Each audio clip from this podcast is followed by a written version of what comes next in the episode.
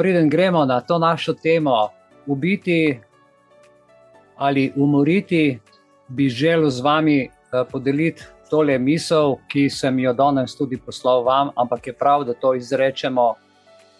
Bom rekel tudi na glas, ko je neki učenec, pisnik v Rumiju, postavil zanimiva vprašanja in sicer je dal čudovite odgovore. Na vprašanje, kaj je strup, je odgovoril: Vse, kar je več od tega, kar potrebujemo, je strup.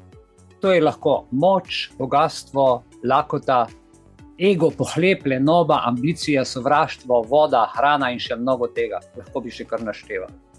Na vprašanje, kaj je strah, je odgovoril: To je nesprejemanje negotovosti. Če negotovost sprejmemo, pa postane dogodivščina. In danes imamo mi tukaj eno tako čudovito dogodivščino, upam, da jih bo še kar nekaj. kaj je zavist? Na vprašanje, kaj je zavist, je odgovoril: to je nesprejemanje dobrega v drugih. Če to sprejmemo, pa postane navdih. Nas marsikaj navdihuje, če jih niso lepe stvari. Na vprašanje, kaj je jeza, Jeza je nesprejemanje stvari, ki jih ne moremo nadzorovati. Če jih sprejmemo, to postane strpnost. Na vprašanje, kaj je sovraštvo, je odgovoril: Sovraštvo je nesprejemanje ljudi takšnih, kot so. Ko človeka sprejmemo brezpogojno, to postane brezpogojna ljubezen. Toliko o teh odgovorih. Sedaj pa na kratko, ubiti ali umoriti, kakšna je razlika? Zgodovinsko gledano se je uh, večina civilizacij od pradavnine dalje zauzemala za strogo prepoved umora in uveljavljanje ustrezne kazni za takšna dejanja. V nekaterih primerjih se je ta moralni imperativ izrazil v preprostem ukazu, ne ubijaj. To poznamo že iz svetega pisma, iz božjih zapovedi. Medtem ko se je kasnejši uh, prevod tega istega koncepta uh, glasil: ne moriti, ne mori. Ne? Pomembno je torej razlikovati med izrazi ubiti in umoriti, ker imata ti dve besedi različni pravni in različni moralni pomen.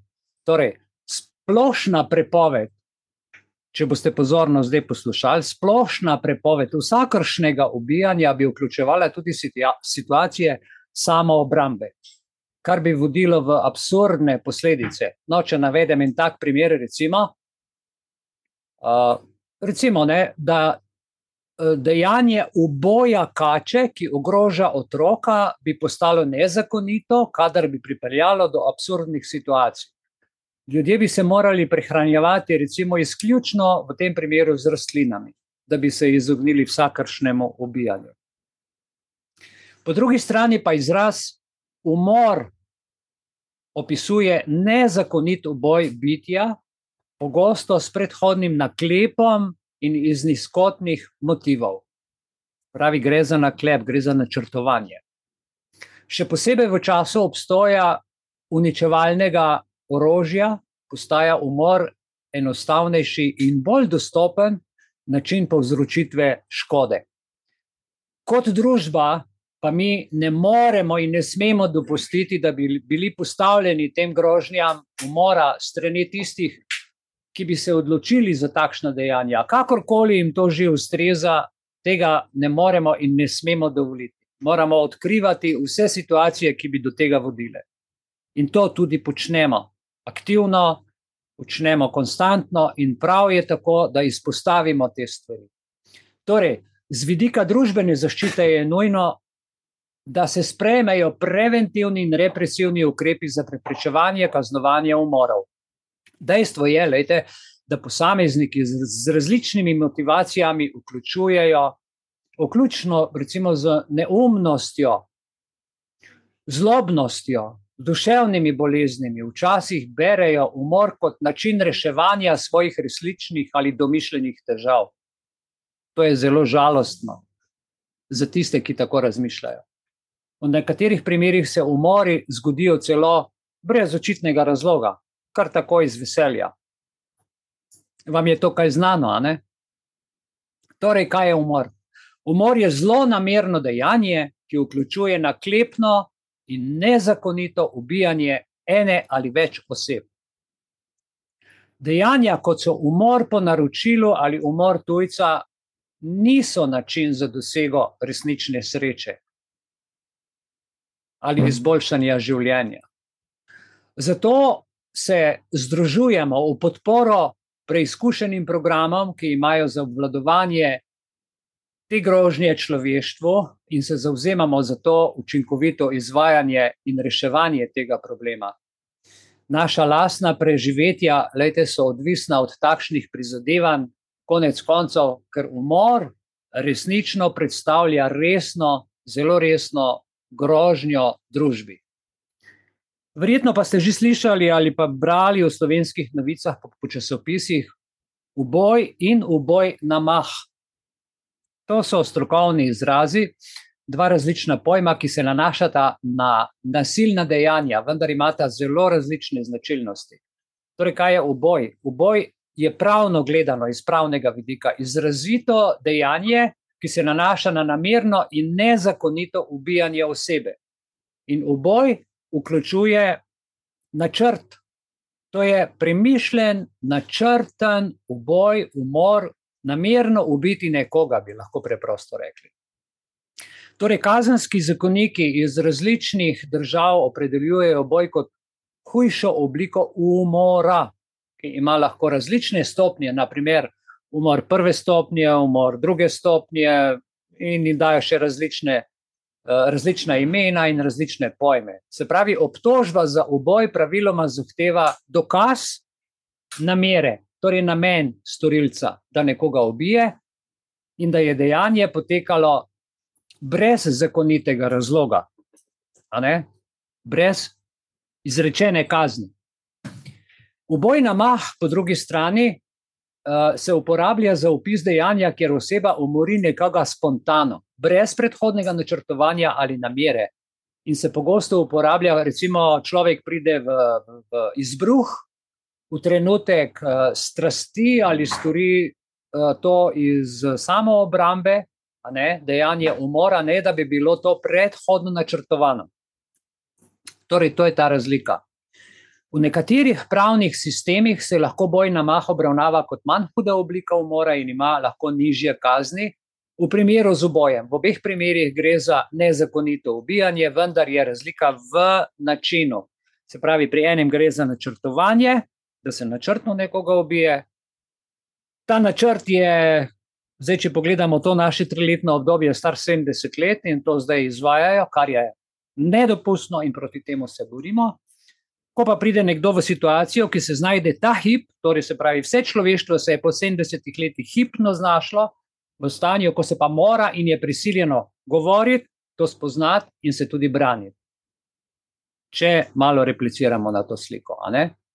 Torej, ubijanje na mah je bolj impulzivno, medtem ko uboj običajno vključuje predhodno načrtovanje in nameravanje. In tukaj, gledajte, obstaja v kazenskem zakoniku en zelo zanimiv člen, to je 128. člen KZ1.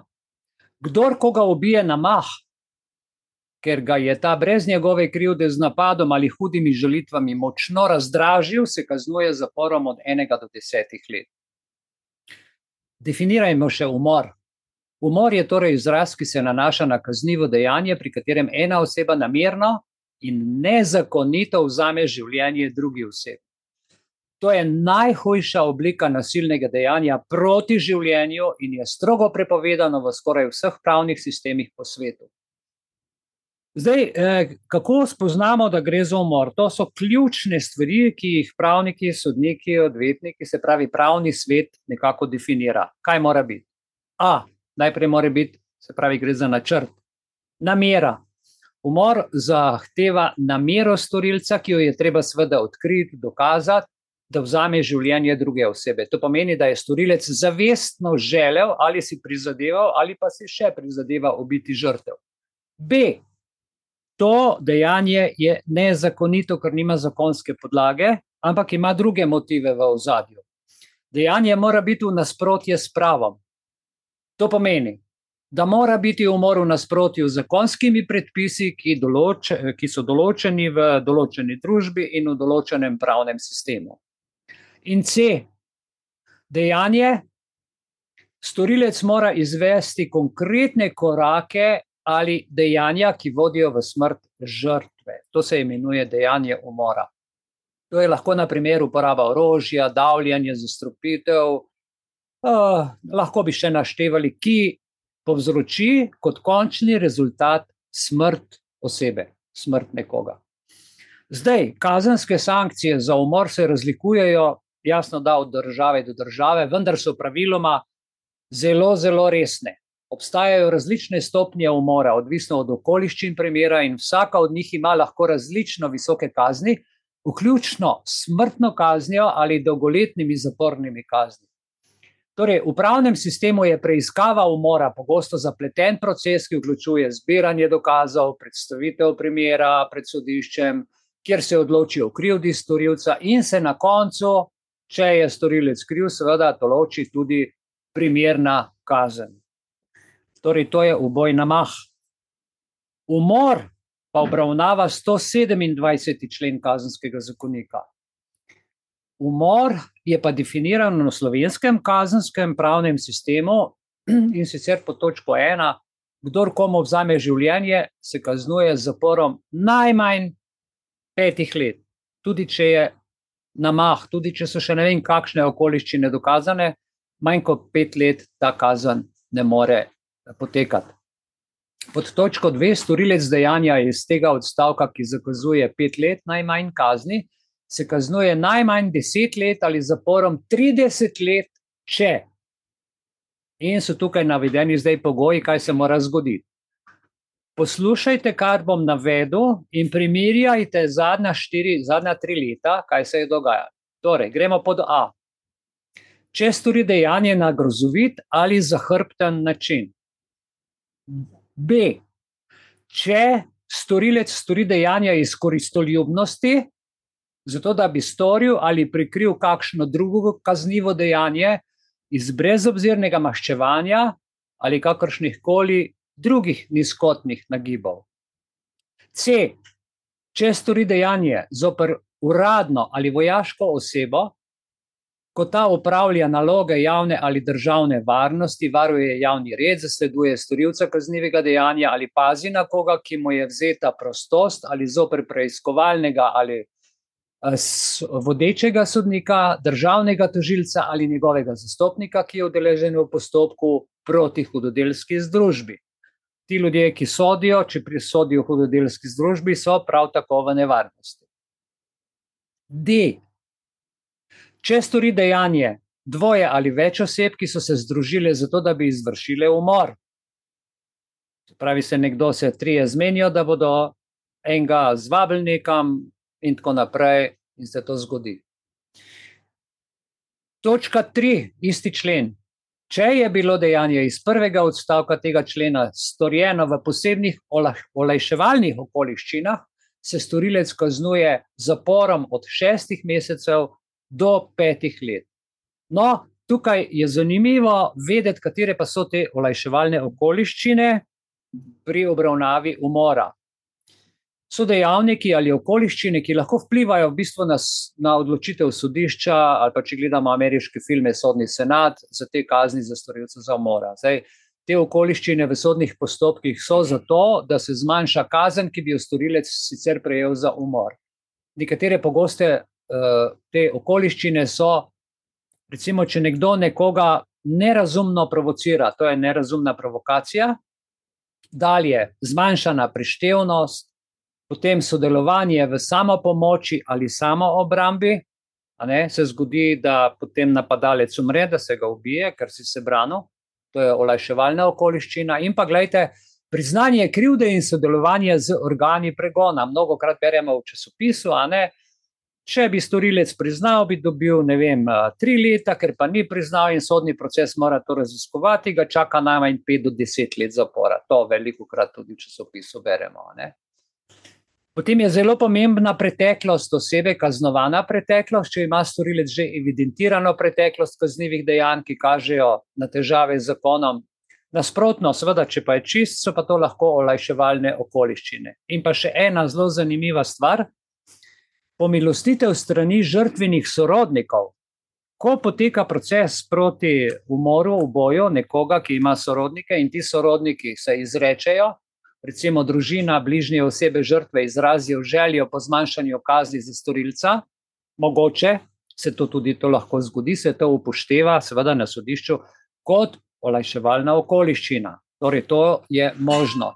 Lejte, pomembno je razumeti pri teh okoliščinah subjektivne, ki so subjektivne za vsak poseben primer in za vsako obravnavano okoliščino, ki se mora do potankosti raziskati.